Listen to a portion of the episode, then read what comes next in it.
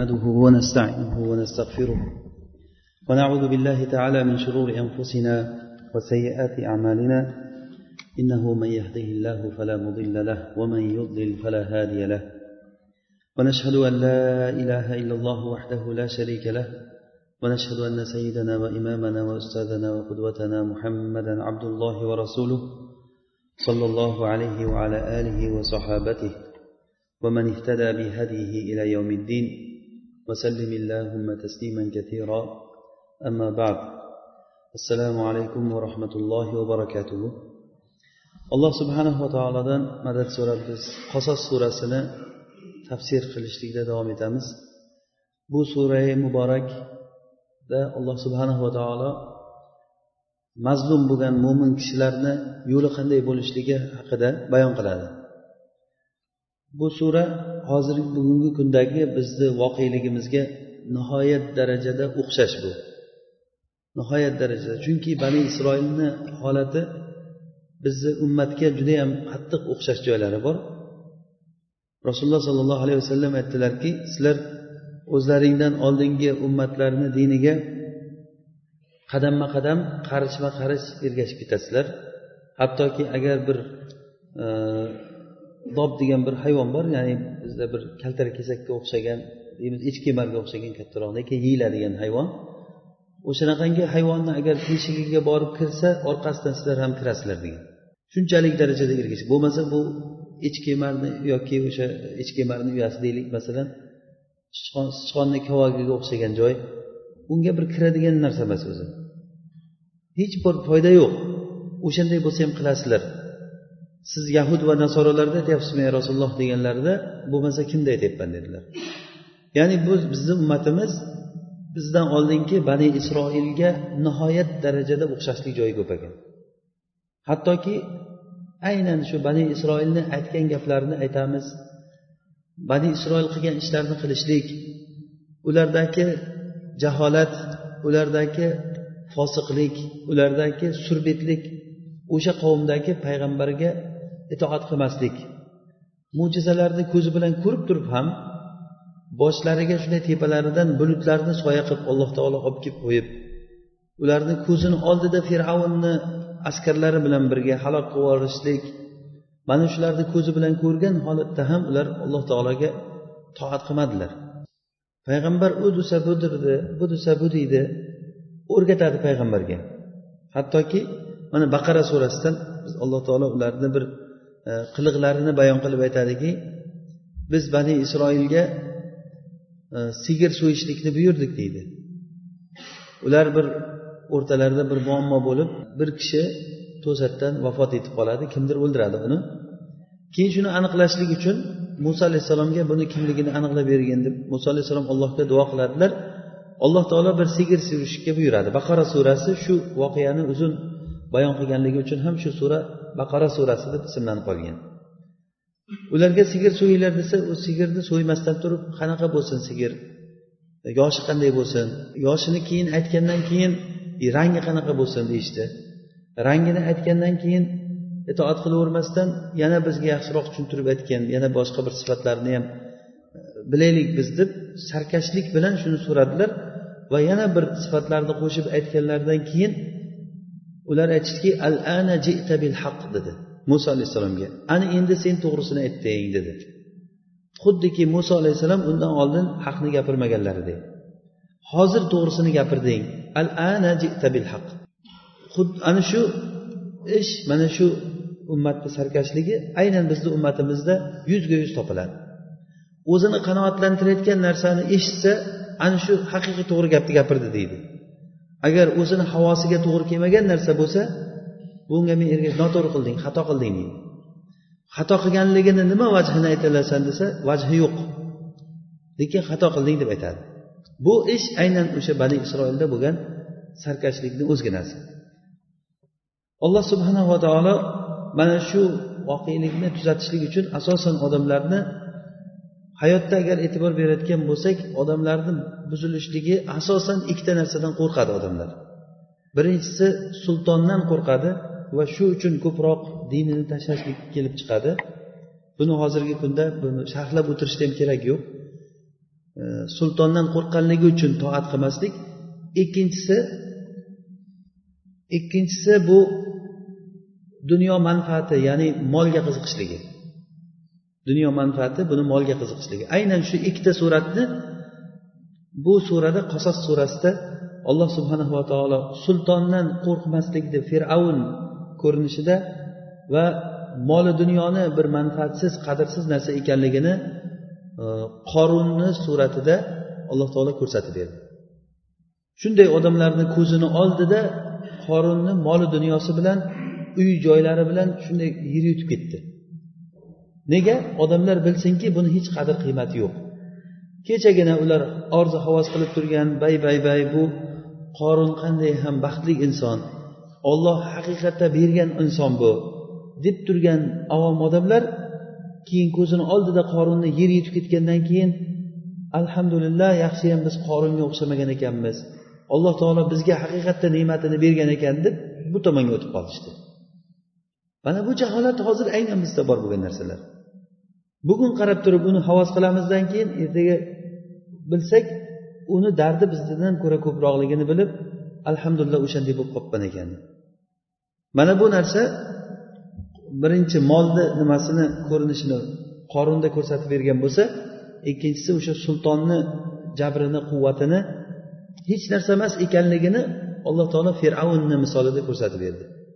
Fir'avn o'ta haddidan oshgan tug'yon qilgan makkor bo'lgan hattoki shunchalik uni fasodi cho'qqiga chiqqan ediki bolalarni so'yish darajasigacha bordi. Bu hammamizga bu hikoya takror takror aytilindi. Payg'ambarlarni qissalarini takror aytishlikda biz uchun hidoyat bor. Bu narsalar payg'ambarlarni siyratlari ularni qissalari biz uchun hayot manhaji bu. O'sha uchun biz bu qissani ko'p gapiramiz bu qissalarni qur'onda takror va takror o'qiymiz. Alloh taolo toki bizni mana shu e, qissalardan shu ilmdan foydalantirsin. Buni mujarrad shunday yodlab olish bilan ish bitmaydi. Qancha qancha qur'onni yodlagan kishilar bor lekin qur'onni ichidagi qissalardan hech bir narsadan ilmidan foydalana olmaydi. Demak foydali ilm bu bizni dunyomizni va oxiratimizni obod qiladigan ilm bo'lishlik kerak. Aslida o'zi masalan hayot uch xil hayot bor deb aytamiz. Dunyo bor va qabr hayoti bor va uchinchisi oxirat bor. Bu hayotlar biridan bir biridan boshqa boshqa hayotmi yoki bir birini davomimi bu? Bu hayotlar bir birini davomi bu? Qabr dunyoni davomi oxirat qabrni davomi bo'ladi. Baxtli odam shu dunyoda ham baxt topadi. Qabrga kirganda ham baxtli bo'ladi va oxiratda ham baxtli bo'ladi. Baxtsiz kimsa bo'layotgan bo'lsa baxtsizligi shu dunyodan boshlanadi. Agar odamlarni ko'ziga har qancha bir ulug' bo'lib ko'rinsa ham yaxshi bo'lib ko'rinsa ham lekin shu dunyoda ham baxtsiz bo'ladi qabrda ham baxtsiz bo'ladi oxiratda ham baxtsiz bo'ladi alloh asrasin. Demak insonni baxtli qilayotgan narsa dunyosida ham qabrda ham oxiratda ham baxtli qilayotgan birdan bir yo'l alloh subhanava taologa ibodat qilishlik ollohni tanishlik ollohni buyruqlarini bajarishlik mana shu ollohni buyrug'ini bajarmaslikka olib kelayotgan ikkita sabab bu birinchisi nima? Sultonni quvvati. Aksar odamlar bundan qo'rqib mana shu narsa uchun dinidan voz kechib e, seni izlab yuribdi ekan seni so'rayapti ekan degan narsalardan insonni qalbida bir qo'rqinchlar paydo bo'lganligi uchun ollohga toat qilmaslikka olib keladi. Ko'p odamlar hattoki shunchalik darajada qo'rqinch bo'ladiki alloh taolo ularni qur'onda aytadiki odamlarda shunday bir toifasi borki odamlarni odamlardan ollohdan qo'rqqanday qo'rqadi yoki ba'zan ollohdan qo'rqishdan ham ko'ra qattiqroq qo'rqadi. Degan nima uchun insondan qo'rqish kerak inson? Johilligi uchun insondan qo'rqadi. Inson o'ylaydiki shu o'sha insonda bir narsalar bor katta kuch quvvat bor. Yo u davlat shaklida bo'lsin yo bir jamoat shaklida bo'lsin yoki fardiy shaklda bo'lsin tarixlar o'sha mana shunday bo'lib kelgan. Qiyomat kunigacha mana shu qoida ketadi. Inson doim o'ylaydiki o'zgani quvvatini ko'rgandan keyin o'shandan qo'rqib qoladi. Unda kuch quvvat bor deb o'ylaydi. Vaholanki qur'on mana shu marazni shu kasallikni qalbda tuzatib keldi shuni. Qanday tuzatdi? Qur'on qanday muolaja qildi buni. Birinchi buni muolajasi fir'avnni ko'rinishida ko'rsatib berdi. Muso alayhissalomga aytdiki sen qo'rqmasdan fir'avnni oldiga borib turib haqni ochiq gapir dedi. Qo'rqma hech narsa qilolmaydi dedi. Muso alayhissalom aytdiki ey robbim men ulardan bir jinoyat qilib turib bir odamni adashib e, xato bilan o'ldirib qo'yganman. Men borgani qo'rqaman u yerga. Deganda alloh taolo aytdiki hech qanday qo'rqmanglar men sizlar bilan birgaman. Ya'ni omon bilan e, horun bilan muso alayhissalom ikkalasiga qo'rqmasdan borib turib fir'avnga borib haqni aytgin dedi. Demak haqni yetkazuvchi kishilarda qo'rqmas qo'rqmaslik sifati bo'lishi kerak ekan. Agar qo'rqoqlik sifati bo'layotgan bo'lsa haqni aytolmaydi odam. Alloh taolo aytadiki allazina yuballig'una risalatillahi va yaxshawnahu va la yaxshawna ahadan illalloh. Ollohni dinini odamlarga o'rgatadigan ollohni risolatini odamlarga ko'rsatayotgan kishilar ularni sifati shunday bo'ladiki ular faqat ollohdan qo'rqadilar ollohdan boshqa hech kimdan qo'rqmaydi olloh taolo o'zi kifoya qiladi degan. Bu faqat payg'ambarlarga emas bu odamlarga ham. Masalan bitta savol bersangiz ollohdan o'zga bir kishi odamlarni o'ldirishlikka olloh ruxsat bermasa ham qodir bo'la oladimi? Yo'q qodir bo'lolmaydi buni tafsilotini endi aytib ketavering. Ollohdan o'zga bir kishi birovga bir dona don ham berolmaydi bir dona don ham berolmaydi u donni kim o'stirdi? Bir tomchi suvni ham keltirolmaydi birorta zarraga ham molik bo'lolmaydi bu narsani qur'onda bir qancha joylarda takror va takror takror bu narsa aytiladi birinchi biz bilishimiz kerak bo'lgan narsa buni davosi biz hammamiz bu narsani ko'p eshitganmiz lekin buni bir tasiliy qilib e, ya'ni boshdan tushunib borsak bizga bir foydali dunyomizda ham oxiratimizda ham foydali ilm bo'ladi inshaalloh. Birinchi biz bilishimiz kerak bo'lgan narsa yaxshilik va yomonlik hammasi ollohni qo'lida. Yaxshilik va yomonlik ollohdan keladi. Shu narsani yaxshi bilib olishimiz kerak. La havla va la quvvata illa billah. Ya'ni biror bir holatni o'zgarishligi kambag'allikdan boylikka o'zgarsin xorlikdan azizlikka yoki boshqa o'zgarishlar mana yosh bolalar katta bo'lyapti katta bo'lgan odamlar qariyapti qari bo'lgan odamlar ketyapti kuni bitgandan keyin. Bu holatlar o'zgaryapti. Xohlaylik xohlamaylik kecha kuni kecha masalan qop qora bo'lib turgan soch soqollar bugun qarasangiz oppoq soch soqolga aylanib o'tiribdi. O'zgaryapti bu narsa. Demak bu o'zgaryaptimi? Mana shu o'zgarish kim bilan bo'lyapti? Olloh bilan bo'lyapti. Buni bizga alloh taolo o'zimizda ko'rsatib qo'ydi. O'zingizga qaraymizmi mana bu vajaakumun nazir oyatida nazirni mufassirlar shib ya'ni soch soqolni oqarishligi deb tafsir qilishgan. Oynaga qaraganingizda soqolingizga oq araladimi? Sochingizga oq araladimi? Bu degani ogohlan ogoh bo'lgin ketyapsan degani. Biz qancha yil yashaymiz olloh biladi lekin kim mangu qoladi? Biror kishi bir o'ylaydimi men mangu qolaman deb? Hammamiz aniq bilgan narsamiz shuki o'lim borligini. Lekin o'sha o'lim borligini bilgandan keyin ham yana ollohdan boshqadan qo'rqib ketaveradi odam. Ollohdan boshqadan umid qilib ketaveradi. Mana shu narsani aynan biz hozir tafsir qilayotgan surada alloh taolo odamlarga uchta savol berdi. Uchta savol berib turib ularga tushuntirdi shu narsani. Ya'ni odamlar aytishdiki biz agar bu shariatga amal qilayotgan bo'lsak biz qiyinchilikka uchrab qolamiz. Demak ularni odamlarni ilmicha hozir ham xuddi shu emasmi agar shariatni biz tadbiq qilayotgan bo'lsak qiynalib qolamiz deydi. Kambag'al bo'lib qolamiz. Atrofdan odamlar kelib turib bizni talab ketadi. Sen siyosatni tushunmaysan sen.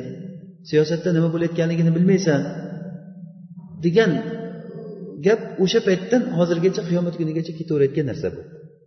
Ya'ni odamlar o'ylaydiki odamlarga qiyinchilik shariat tomonidan keladi deb o'ylaydi. Qachonki shariatga amal qilsa odamlar kambag'al bo'lib qolar ekan. Qachonki shariatga amal qilsa atrofdan odamlar kelib turib buni xorlab zorlab qo'lidagi moli dunyosini tortib olib turib yo bo'lmasa o'zini yurtidan quvib chiqarib yuborar ekan. Diniga amal qilsa agar. Diniga amal qilmasa bu dunyoda aziz bo'lib yuradi deb o'ylaydi. Alloh taolo mana shu ularni tushunchasini tuzatishlik uchun uchta savol berdi. Hozir sizlar xotirjam yashayapsizlarmi? Makka ahliga aytdi. Ha xotirjam yashayapmiz.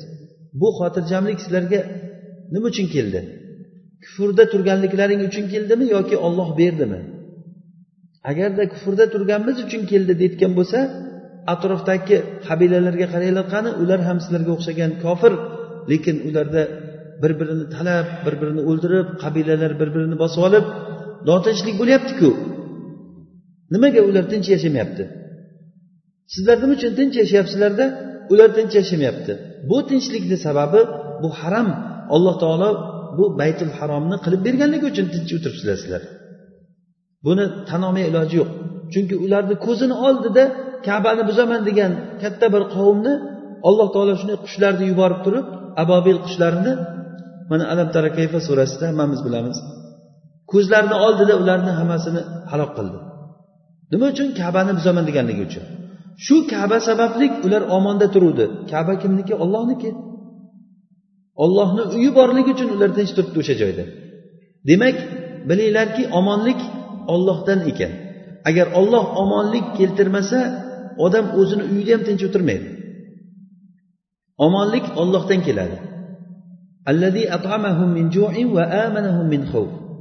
Ya'ni alloh taolo odamlarni ochlikdan qornini olloh to'ydirdi va ularni omonda saqlagan olloh bo'ldi.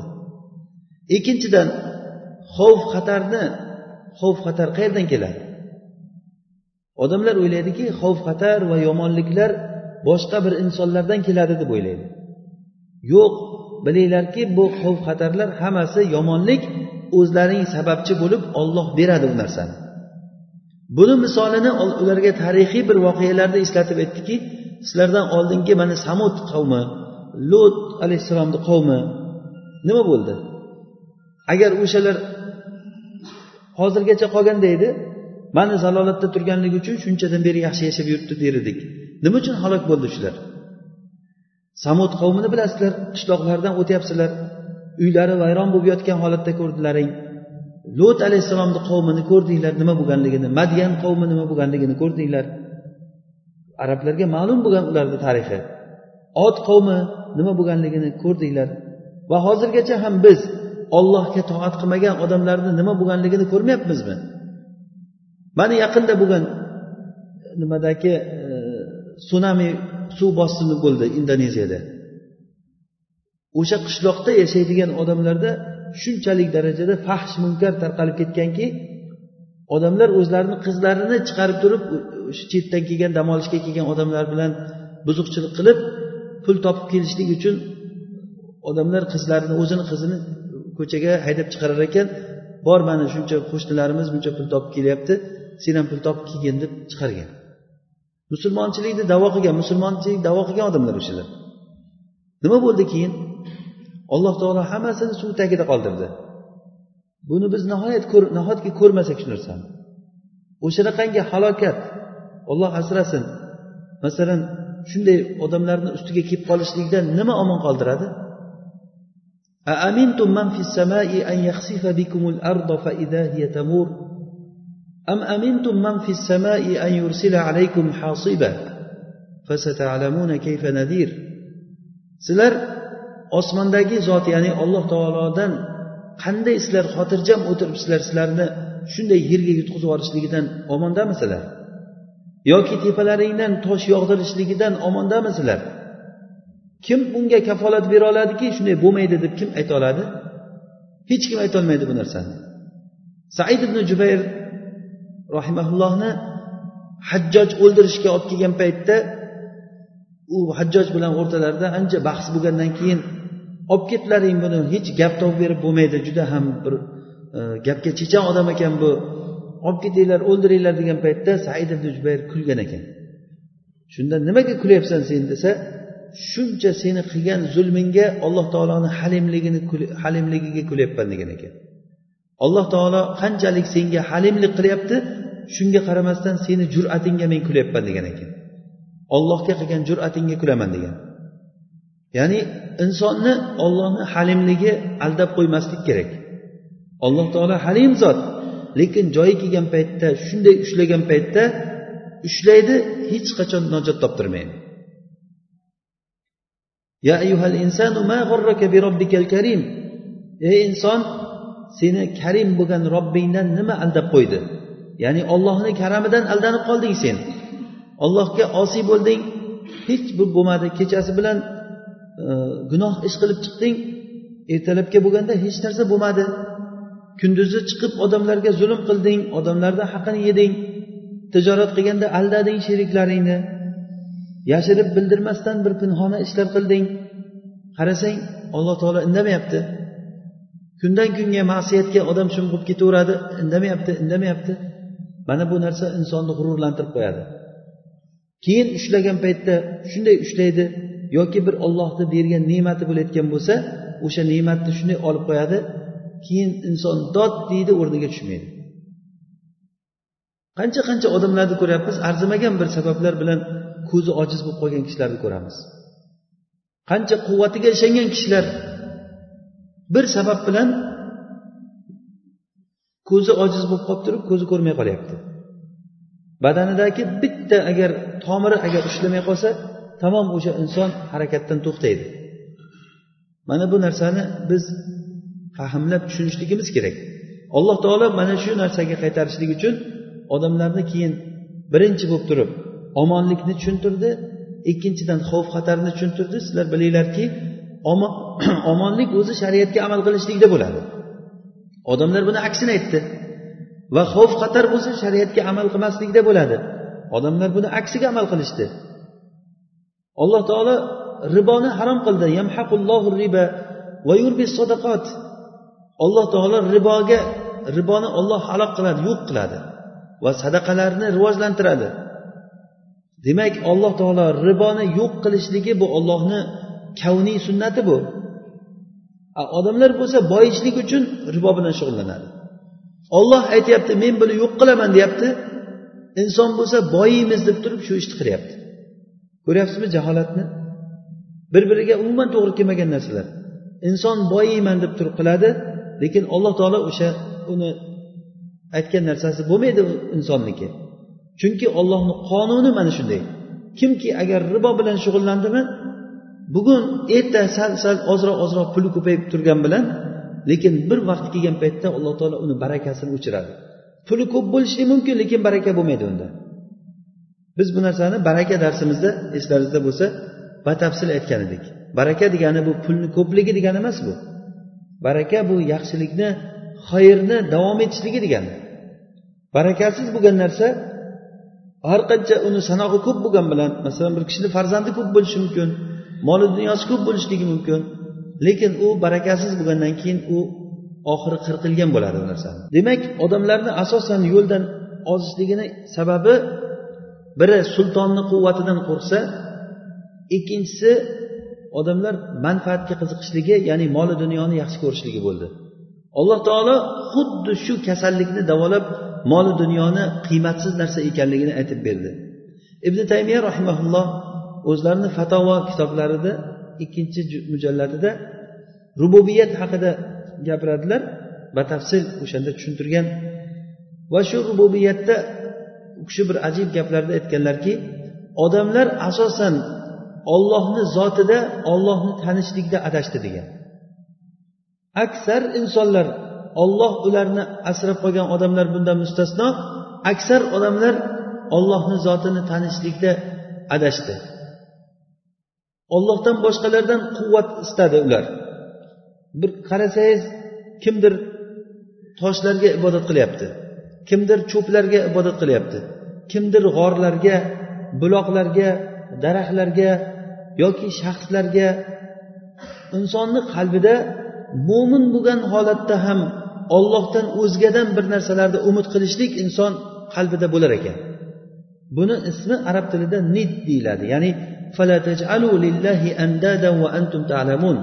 sizlar bilgan bilib turib alloh taologa sheriklarni qilmanglar.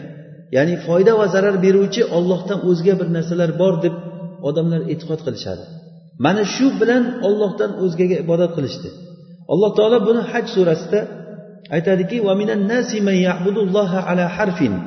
فإن أصابه خير اطمأن به وإن أصابته فتنة انقلب على وجهه خسر الدنيا والآخرة ذلك هو الخسران المبين يدعو من دون الله ما لا يضره وما لا ينفعه ذلك هو الضلال البعيد يدعو لمن ضره أقرب من نفعه لبئس المولى ولبئس العشير odamlardan shunday bir toifalar borki u chekkaga borib ibodat qiladi ya'ni chekka degani maydonni o'rtasida turmaydida maydonni chekkasida turadi bu maydon bir aqida maydoni aqidani eng chekkasiga borib aqida tutadi agar yaxshilik kelsa rozi bo'lib turadi yomonlik kelsa teskari o'giradi aqidadan Xuddi shu oyatni tafsirda ibn kasir rahimaulloh o'zini tafsirlarida aytadilarki buxoriy rahimaulloh ibn abbosdan rivoyat qilgan hadisda bir odamlar islomga kirib madinaga kelib madinada yashashardi. Agar o'sha kelgan paytlarida xotini e, bolalasa bola bola ko'rsa va tuyasi bolalasa yoki oti bolalasa bu din yaxshi din ekan deb aytishardi.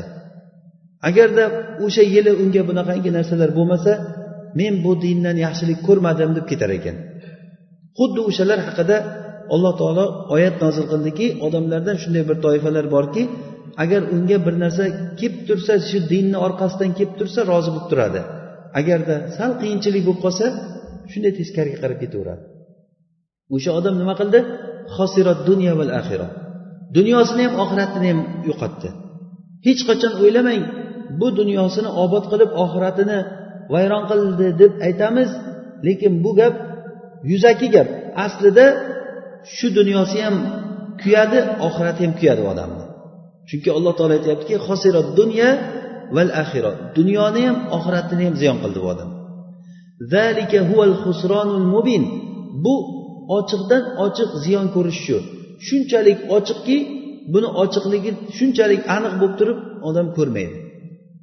Shunchalik darajada ham odam adashadimi? Shunday bir insonni aql berib alloh taolo e, qancha qancha mana hozirgi jihozlarni yasab chiqyapti odamlar. Telefonlar qilyapti kompyuterlar qilyapti osmonga uchyapti odamlar. Kosmosga uchyapti. Hatto shunga ham aqli yetibdi deb odam hayron qolasan ko'rib. Lekin o'sha aqllar eng ochiq narsa bo'lgan va o'zi o'sha uchun yaratilingan robbisini tanimasdan o'tib ketyapti.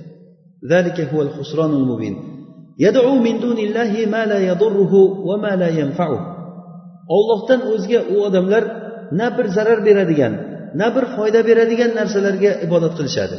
Mana bu haqiqiy eng uzoq adash juda ham qattiq adashishlik bu narsa.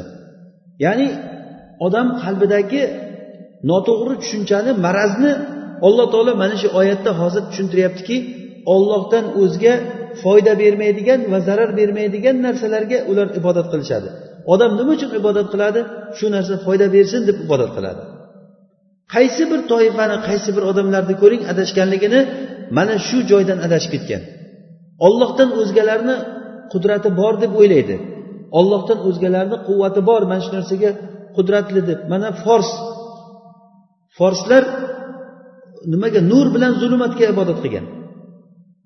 Va o'zlaricha zulmatni bir shayton suratida tasvirlab rasmlarni ham chizganlar. Aytishganki mana shu zulmat bilan nur ta'sir qiladi shular degan. Va quraysh mushriklari bo'lsa bular butlarga ibodat qilgan va aytishganki mana shu butlar alloh taologa yordamchi bo'ladi degan. Butlar alloh taologa yordamchi bo'ladi. Biz bilan ollohni o'rtamizda bizni ollohga yaqinlashtiradi vositachi bo'lib turadi degan. Bu ollohni tanimaganliklari uchun o'ylab ham ko'rmadiki bu butlar na eshitmasa na bir o'zlaridan bir zararni yetkazolmasa boshlariga qo'ngan chivinni haydab yuborolmasa boshlariga qo'ngan pashshani haydab yuborolmasa hatto oldilariga ovqatlar qo'yib qo'yardi yeydi shular degan ma'noda. Alloh taolo xuddi shuni aytyaptiki shiyalar ali roziyallohu anhuni qiyomat kunida do'zax shuni qo'lida bo'ladi deb e'tiqod qilishadi. Alloh taolo jannat bilan shug'ullanadi do'zaxni aliga topshirib qo'yadi deb. Bu degani olloh taologa yordam beradi bu degan e'tiqod. Va ba'zi bir adashgan toifalar qutublar bor deb e'tiqod qiladi. Qutublar bu to'rtta qutub bor. Dunyoni to'rt tarafida turib dunyoni to'rt chetidan ushlab turadi qimillab ketmasligi uchun va baraka xayr kelishligi uchun. Dunyoga qarab turadi deydi. U qutbni holatiga qarasangiz ovqatga muhtoj uyquga muhtoj o'ziga o'xshagan bir muhtoj odam qolaversa bir muttaham odam bo'ladi. Agar yaxshilab qarasa ya'ni shaklda salohiyatni ko'rsatgan tog'ut bo'ladi u. O'zini ehtiyojini odamlardan yashirgan o'zini boshqacha qilib ko'rsatgan odam bo'ladi. Eng muttaham odam bo'ladi aslida. Odamlar kelib turib undan baraka xayr istasa unga xuddiki baraka xayr bo'lganday bir silab qo'yadi yo bir narsa bo'ladi. Odamlar mana shu bilan aldanib ketaveradi. Aksar olloh asragan odamlar mustasno bundan ko'pchilik odamlarni qalbida shunaqa narsa bor. Masalan ollohga hech kim yordam bermaydi. Odamlar aytishadi alloh taolo o'zi aytyaptiki bu mushriklar ibodat qilib yurgan narsalarni koinotda hech qanday sherikchiligi yo'q. Yomg'ir yog'dirishga ham quyoshni chiqish botishiga ham odamlarni yaratishga o'simliklarni o'stirishlik ko'kartirishlik bu narsaga umuman bularda aloqador joyi yo'q. Va allohga yordamchi ham bo'lolmaydi ular. Minhum min zohir ular uchun olloh uchun ulardan biror bir yordamchi ham ko'makchi ham yo'q o'zi. Odamlar mana shu narsani mujmal holatda bilishadi. Aytadiki to'g'ri alloh taoloni yordamchisi yo'q. Alloh taologa hech qanaqangi bir ko'makchi kerak emasu lekin falonchi domlani judayam nafasi o'tkir deydi. Suf kuf yuborsa turib ketaverasan deydi. Suf kuf desa suvni teskari oqizadi deydi. O'lgan odamni ham tiriltirib yuboradi degan gaplarni gapirib yuboradi ya'ni u odamda aslida bunday qaraganda hech qanaqangi bir o'zidan ko'ra ziyodaroq bir xislat yo'q o'zi. Kuch quvvat hammasi ollohdan bizga keladigan foyda ham bizga keladigan zarar ham ollohdan agar olloh bizga zarar bermasa xotirjam bo'laveringki hech qanday zarar ko'rmaysiz. Agar alloh taolo sizga bir manfaat bergan bo'lsa xotirjam bo'laveringki u manfaatdan hech qachon qochib qutulolmaysiz va butun dunyo yig'ilsa ham bu manfaatni sizdan olib qo'yolmaydi. Olloh hamma narsani o'zi tasarruf qiluvchi zot. Shu narsaga iymon keltiramizmi biz? Qalbimiz bilan iymon keltiramizmi yoki tilimiz bilan aytamizmi buni? Agar qalbimiz bilan iymon keltirayotgan bo'lsak nima uchun inson ich iç ichidan ollohdan o'zgalardan bir foyda narsani umid qiladi? Nima uchun odamlar borib hech bir foyda bermaydigan toshlarga borib hojatlarini aytadi? Toshlarni silaydi yoki buloqlarga borsa o'shalarga tangalar tashlab o'sha joylardan bir farzandi yo'q ayollar farzand so'raydi. Bir daraxtni ko'rib qolsa o'shanga borib turib bir g'aroyibroq daraxt bo'lsa shart o'shanga bir ip boylab turib o'shandan hojatlarini so'raydi. Eng asosiy narsa mana shu shirk. Bu narsa qalbdan boshlanadigan joyi qalbdan boshlanadi. Qur'on mana shu marazni mana shu kasallikni davoladi. Buni qanday qilib davoladi? Buni davolash uchun kuch quvvatni hammasi ollohda ekanligini odamlarga tushuntirdi. Odamni hammani qalbida olloh kuch quvvatni egasi deb agar tushunganda edi shirk bo'lmasdi. Chunki inson mana shunday yaratilingan. Inson tamagir inson bir xavf xatardan qo'rqadigan yaxshilikni yaxshi ko'radigan yomonlikdan qochadigan qilib yaratilingan. O'sha uchun ham insonga jannatni vasflab berilgan paytda batafsil aytilindi jannat. Do'zaxni sifatlab berilganda do'zax batafsil aytilindi. Hatto ibodatlar bunchalik batafsil aytilinmagan. Masalan qur'onda aqimus solata degan tamom. Aqimus sola namoz o'qinglar nechi mahal o'qishimiz kerak? Nechi rakat o'qishimiz kerak? Uni odoblari tartiblari qanday bo'ladi? Buni rasululloh sollallohu alayhi vasallam bizga bayon qilib berdilar. Lekin qur'onda namoz haqida mujmal mana shu buyruq kelgan xolos.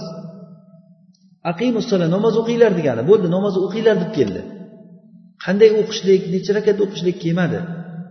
Lekin jannat haqida gapirgan paytda jannatni turlarini aytdi.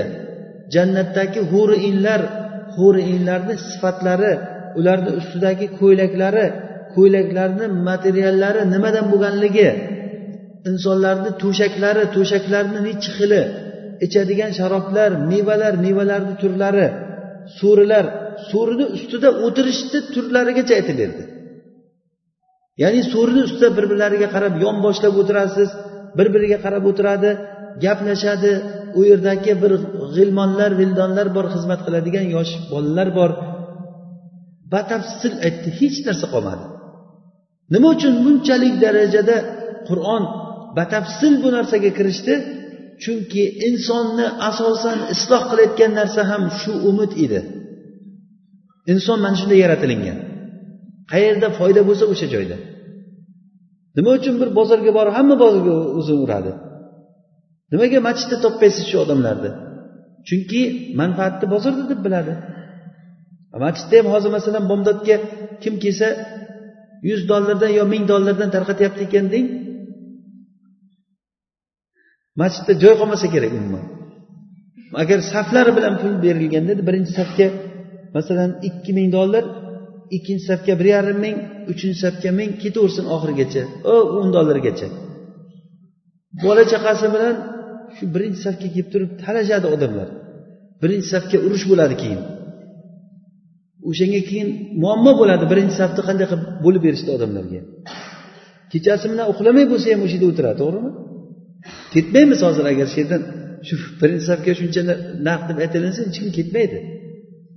Bomdodga nima uchun? Chunki inson ba'zan o'sha pulga ehtiyoji bo'lmasligi ham mumkin odamni o'sha bo'lmasa ham masalan kuni o'tib yuribdi hammani lekin inson mana shunday yaratilingan.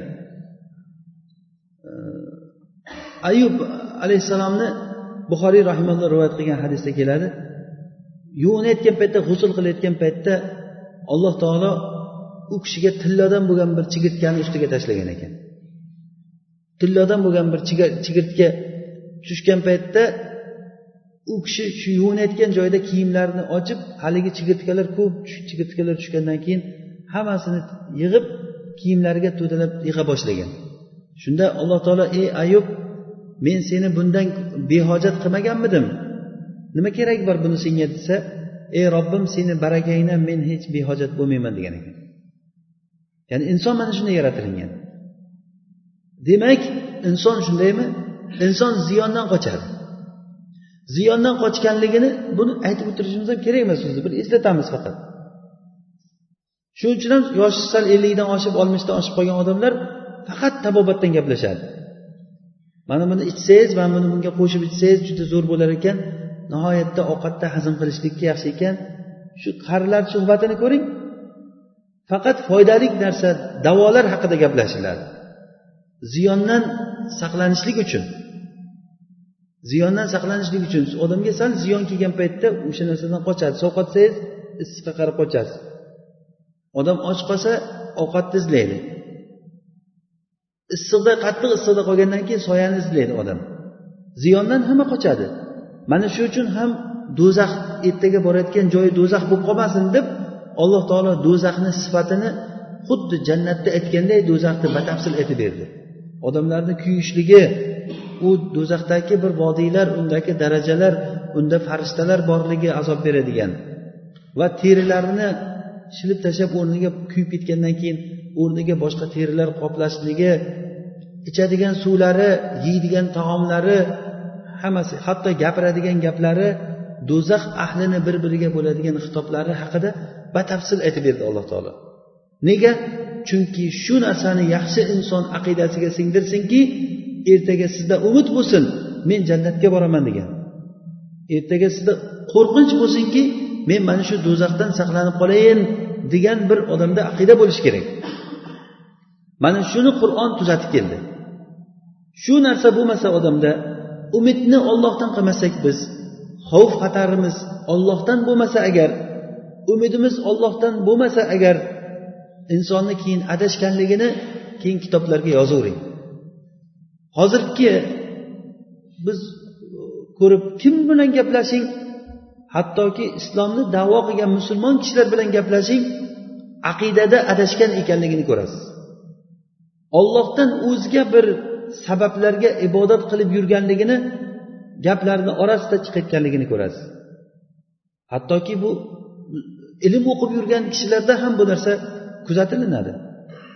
Ba'zan odam o'zini sal kuch ko'pligini bilib qolsa ollohni bandalaridan o'zini ustunroq qilib ko'rib kibrlanib turib ollohni quvvati bu odamni esdan chiqib ketadi g'ururlanib qoladi. Lekin o'sha odam agar bitta tomir tortib qolsa tamom ishlamaydi kerak bo'lsa shal bo'lib qoladi.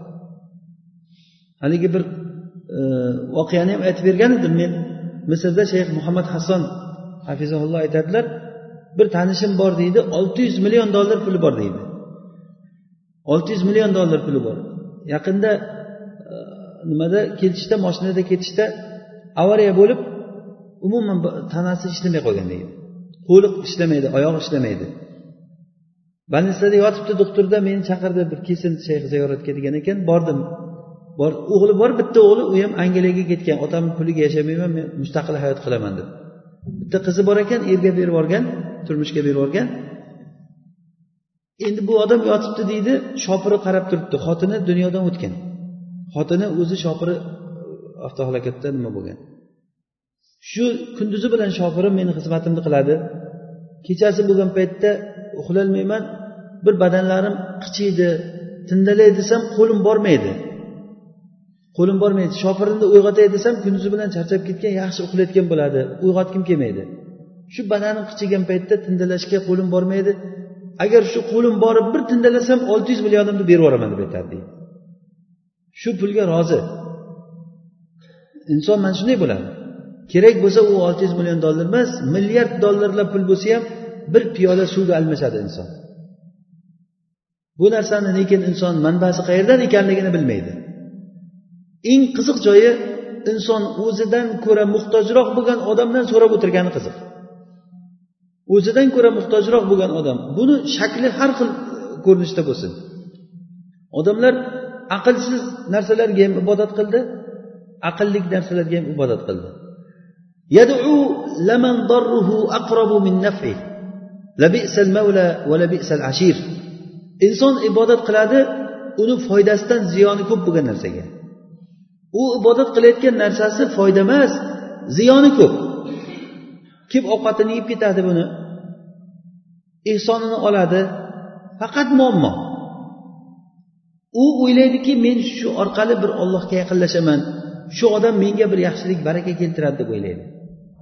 Aksincha bu odamdan kelayotgan zarar uni foydasidan ko'ra kattaroq bu zararni bir turi shu odamga umid qilganligi uchun ertaga do'zaxga kirishlikka shu odam sababchi bo'ladi.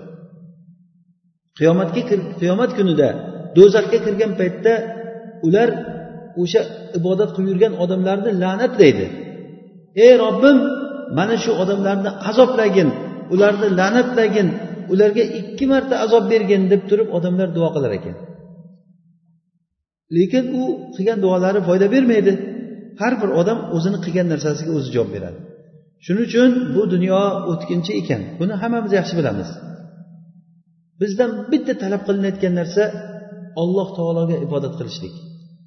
Ollohni taniylik umid qilsak ollohdan umid qilaylik. Agar qo'rqsak ollohdan qo'rqaylik. Ollohdan boshqada kuch quvvat yo'q shuni aniq bilavering agar bizni kunimiz bitsa kunimiz bitsa o'sha o'sha zahoti ketamiz. Hech kim olib qololmaydi agar kunimiz bitmasa hech kim bu dunyodan bizni ketkazolmaydi. Shunga iymon keltiramizmi? O'shanga iymon keltirgandan keyin yaxshilik va yomonlik ollohdan deb bilganimizdan keyin ollohga so'raydiganimiz olloh bo'lsin. Nima uchun ollohdan boshqalardan so'raydi odamlar johil bo'lganligi uchun? Ular kuch quvvatni ollohdan boshqada deb bilganliklari uchun. Biz o'qiydigan mana shu qasos surasida aynan xuddi shu narsani alloh taolo bayon qilib berdi. Va ularga asosan alloh taolo aytdiki sizlar mana qiyomat kunidagi bo'layotgan voqeaga bir quloq solinglar. Qiyomat kunida alloh taolo ularga nido qiladiki ollohdan o'zga sizlar foyda beradi zarar beradi deb ibodat qilib yurgan sizlarni ma'budlaring qani? O'shalar uchun sizlar zarar berib qo'ymasin deb turib shariatga amal qilmadilaring. Kimnidir rioyasini qilib odam shariatga amal qilmaydida. Buni shakli har xil bo'lishligi mumkin. Masalan kimdir shariatga amal qilaman desa xotini qo'ymaydi shariatga amal qildirishga. Qiziga hijob o'ratayin desa xotini qo'ymaydi keyin xotini bilan talashadi tortishadi. E o'zing bilasan jonga tegding deydida indamay qo'yadi bola. Ma'siyat ishga rozi bo'ladi.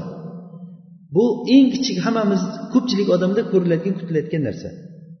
Va hokazo buni daraja daraja bo'lib ketaveradi.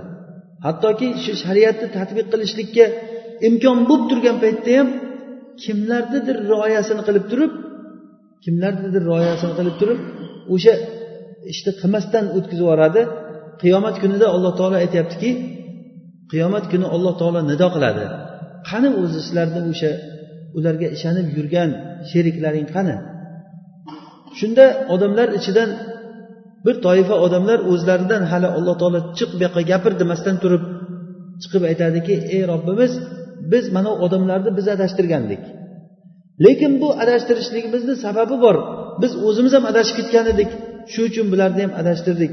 Lekin biz bulardan voz kechdik deydi o'sha yerda biz ulardan voz kechdik. Ko'ryapsizmi bularni ahvolini? Eng inson muhtoj bo'lgan joyda ular voz kechadi. Inson o'zi nima uchun ollohdan o'zgalarga ibodat qiladi? Foyda tegsin deb. Inson tabiati shunday deb aytdikku. Foyda tegsin ertaga qiynalib qolgan paytimda bir menga yordam bersin deb umid qiladi. Eng kerakli joyda ular aytadiki biz bulardan voz kechdik deydi. Ilayk. Ma kanu iyana ya'budun. Ular bizga ibodat qilmagan edi deb turib ibodatlardan ham tonib yuboradi voz kechib yuboradi boyagi odamlardan. keyin alloh taolo ularga yana aytadiki فدعوهم فلم يستجيبوا لهم ورأوا العذاب لو أنهم كانوا يهتدون o'shanda ular alloh taolo aytadiki sheriklaringga duo qilinglar yordam bersin deydi ular duo qilishadi yordam beringlar bizga qutqaringlar biz dunyoda sizlar uchun shariatga amal qilmagan edik Sizlarni rozi qilamiz deb turib biz dunyoda bu shariatni tadbiq qilmovdik hayotimizga. Endi bizga yordam beringlar degan paytda ularga hech qanaqangi javob bo'lmaydi. Va qarasalar oldilarida do'zax turgan bo'ladi. Shunda inson ich ichidan havas qilib yuboradiki qaniydi bu dunyoda men? Hidoyatda yurganimda qaniydi deb yuboradi. Yana eslatamizki bu dunyo o'tib ketadi hammamizni. Kim qanday xohlasin yashasin dunyo o'tadi baribir. Lekin qiyomat kuni ollohni oldiga borganda mana shu afsusni yeb qolmasligimiz kerak. Agar ular insonlar hidoyatda bo'lsagidik deb turib orzu qilib yuboradi bir kuni kelganda. Salaflarda shunaqangi bir kishilar bo'lgan ekanki uyiga qabr qozib qo'yar ekan. Uyiga qabr qozib qo'yib turib agar dunyoga qiziqishligi ortib qolsa borib qabrga kirib yotar ekan. yotib turib keyin aytar ekanki haligi oyatni o'qir ekan حتى إذا جاء أحدهم الموت قال رب ارجعون لعلي أعمل صالحا فيما تركت ey robbim meni qaytaringlar ya'ni alloh taolo qur'onda aytadiki bir kishiga o'lim kelgan paytda har bir odam o'lim kelgan paytda duo qilar ekanki ey robbim meni qaytargin men ortga qaytib turib solih amallar qilayin meni qaytargin Deb aytib qolar ekan. Lekin alloh taolo o'lgan odamni qaytarmaydi orqaga. Kalla innaha kalimatun huwa qailuha. Bu ishni hech qachon bir orqaga qaytish yo'q o'lgan odam qaytmaydi orqaga. Shunda haligi salaflardan ba'zilari shunaqa ishlar qilar ekanki qabrga kirib shu duoni shu oyatni o'qib yotib ozroq yotayotgandan keyin keyin qabrdan chiqib turib ana robbing seni qaytardi. Endi qani nima qilasan der ekan o'ziga o'zi. Har birimizga ertaga mana shu narsa havas bo'lib qoladi. Hozir bizni tirikligimizni o'zi katta bir ne'mat. Agar hozir o'lib ketgan kishilardan birortasini faraz qiling ya'ni tiriltirsa shu odam nima ish qiladi? Hozir tirilsa bir odam masalan o'lgan odam qabridan chiqib tirilsa senga bir kun muhlat umr berildi shu bir kunda nima qilsang qilyot desa nima qiladi shu odam? Hammamizni javobimiz bir xil. Hech qachon kompyuter o'ynab yo whatsappdan bir birlariga xat jo'natib uni rasmini bunga buni rasmini bunga jo'natmaydi o'sha odam. Demak u bir kun vaqt berildi. Demak bizga qancha vaqt berilgan endi? Kim ayta oladi menga bir kun vaqt berilgan deb ba'zi bir solih kishilardan bittasiga e, abu hazmni nimasida fudoyl fudayl ibn iyozni majlisida bizga namoz o'qib bering deb qattiq odamlar talab qilgan ekan. Namoz o'qib bering desa men sizlarga namoz o'qib beraman lekin men shu hozir namozni o'qisam keyingi namozni o'qishlikkacha meni umidim yo'q yashashlikka der ekan. Ya'ni hozir namoz o'qiyman keyingi namozni o'qib berishlikka menda ishonch yo'q. Ungacha men tirikman deb o'ylamayman deganda fuzoyl ibn uyoz sen juda uzun orzu qilib yuboribsanku degan ekan. Ya'ni ikkita namozni o'rtasidagi vaqtda tiriklikda aytyapsan shu namozni o'qib bo'lguncha ayt degan ekan. Bir daqiqa bir soniyalik narsa. Bu hayotga hech kimda bir kafolat yo'q. Umr bizdan g'oyib qilingan narsa. Birorta odam qaysi joyda o'lishligini bilmaydi. Alloh taolo yaxshi o'lim bersin hammamizga. Bu hayotdan ketishlikda alloh taolo o'zi rozi bo'lib ey xotirjam bo'lgan ruh ey xotirjam bo'lgan nafs robbingni rahmatiga roziligiga chiqqin degan xitobni eshitadigan bo'laylik ba'zi shu dunyoda tama qilishlik shu narsalarni ketkazishlik uchun ba'zi bir kishilarni bir she'ri bor ekan يا من ألوذ به فيما أؤمله ومن أعوذ به مما أحاذره لا يجب يج لا يجبر الناس عظما أنت كاسره ولا يهيضون عظما أنت جابره ya'ni men orzu qilgan narsada uni umid qiladigan zot ya'ni ollohni aytyapti. Odam orzu qilgan paytda kimga chopadi? Ollohga chopadi. Va men ehtiyot bo'lgan narsalarimda undan panoh tilaydigan zot. Sen sindirgan suyakni odamlar sindirolmaydi va sen tuzatgan suyakni hech qachon alloh taolo sindirgan suyakni odamlar tuzatolmaydi alloh taolo tuzatgan suyakni odamlar uni sindirolmaydi hattoki buni hozirgi mana tabib tibobatdan ham ma'lum agar suyak bir joydan sinsa keyin uni agar gips qilingandan keyin o'sha suyak bitib ketsa ikkinchi marta singanda shu joydan sinmas ekan. O'sha suyakdan keyin boshqa joydan sinadi suyak. Qisqasi bu suyakni bitishligi ham bitta donni o'sib chiqishligi ham ollohni qudratisiz bo'lmaydi. Hamma narsa ollohni qo'lida bo'lgan zot. Shu oyatni davomida sadiy rahimaulloh aytadilar alloh taolo odamlarni adashgan tomonini bayon qilgandan keyin qalblaridagi kasalliklarni bayon qilgandan keyin keyin ularni qanday yashashligini bayon qildi فمن تاب وآمن وعمل صالحا فعسى أولئك أن يكونوا من المهتدين kimki agar tavba qilsa iymon keltirsa va solih amal qilsa ana o'sha odamlar asa an yakunu minal muflihin ya'ni ana shu odamlar najot topgan bo'lishligi mumkin. Ya'ni asa kalimasi arab tilida mumkin deb ishlatiladi lekin karim tarafidan aytilingan asa degani bu yaqin ma'nosida ishlatiladi. Ya'ni olloh tarafidan ehtimol o'shalar najot topib qolar degani ular albatta najot topadi degani. Demak biz hozir adashish sabablarini aytdik va uni tuzatishlik yo'lini ham aytdik. Endi qanday yashashimiz kerak degan savolga javob shuki tavba qilishlik kerak va iymon keltirishlik kerak va solih amallarni qilishlik kerak. Mana shu uchta narsa tavba qilishlik va iymon keltirishlik va solih amallarni qilishlik. Bu ma'nolar qur'onda ko'p joylarda takror va takror kelgan. Ya'ni ba'zi joylarda faqatgina tavba qilishlikka alloh taolo najotni bog'lab qo'ygan. Ya'ni kim tavba qilsa qod aflahal mu'minun deganda faqatgina iymonga bog'lab qo'ygan. Ya'ni najot topishlik mo'minlar najot topdi deb aytgan. Ba'zi joyda tuflihun yaxshilik qilinglar najot topasizlar. Va hozirgi oyatimizda bo'lsa uchala sabab ham kelyapti. Tavba qilish iymon keltirish va solih amallarni qilish degani. Chunki bularni biz hammasini jamlab tushunsak tavba qilgandan keyin chiqadi bu ishlar hammasi.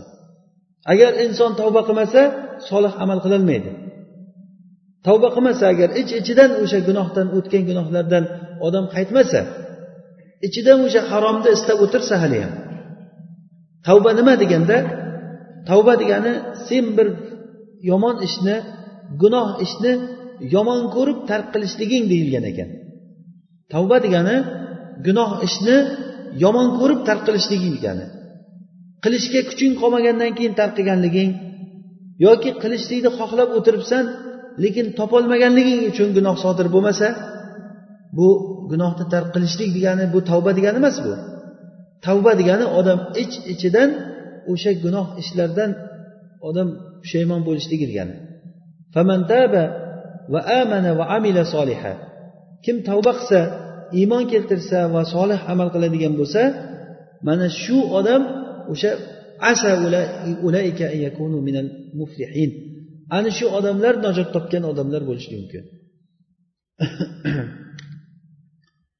Bu gunohni o'zi e'tirof etishlik o'zi uch xilli bo'ladi. Hozir biz tavba qilishlik deganda gunohni tan olishlik. Bir odam bor masalan bir yomon ishni qilib bir sizga masalan zulm qilgan bo'lsa men qilganim yo'q deyishligi mumkin. Uzr aytishlikda bu. Men qilganim yo'q. Bu ham bir uzr deb o'tirib lekin bu bilan hech narsa o'zgarmaydi. Ikkinchi bir turi borki men qilganim yo'q demaydi. Men qildim lekin sababi bor deydi. O'zing shunga loyiqsan deydi. Masalan sizga bir zulm qilib bir narsa o'tkazishi mumkinda bu ishni qildim to'g'ri qildimu lekin o'zingdan o'tdi deydi. Bu ham uzr bo'ladi endi. Endi uzrni bir turi bu ham.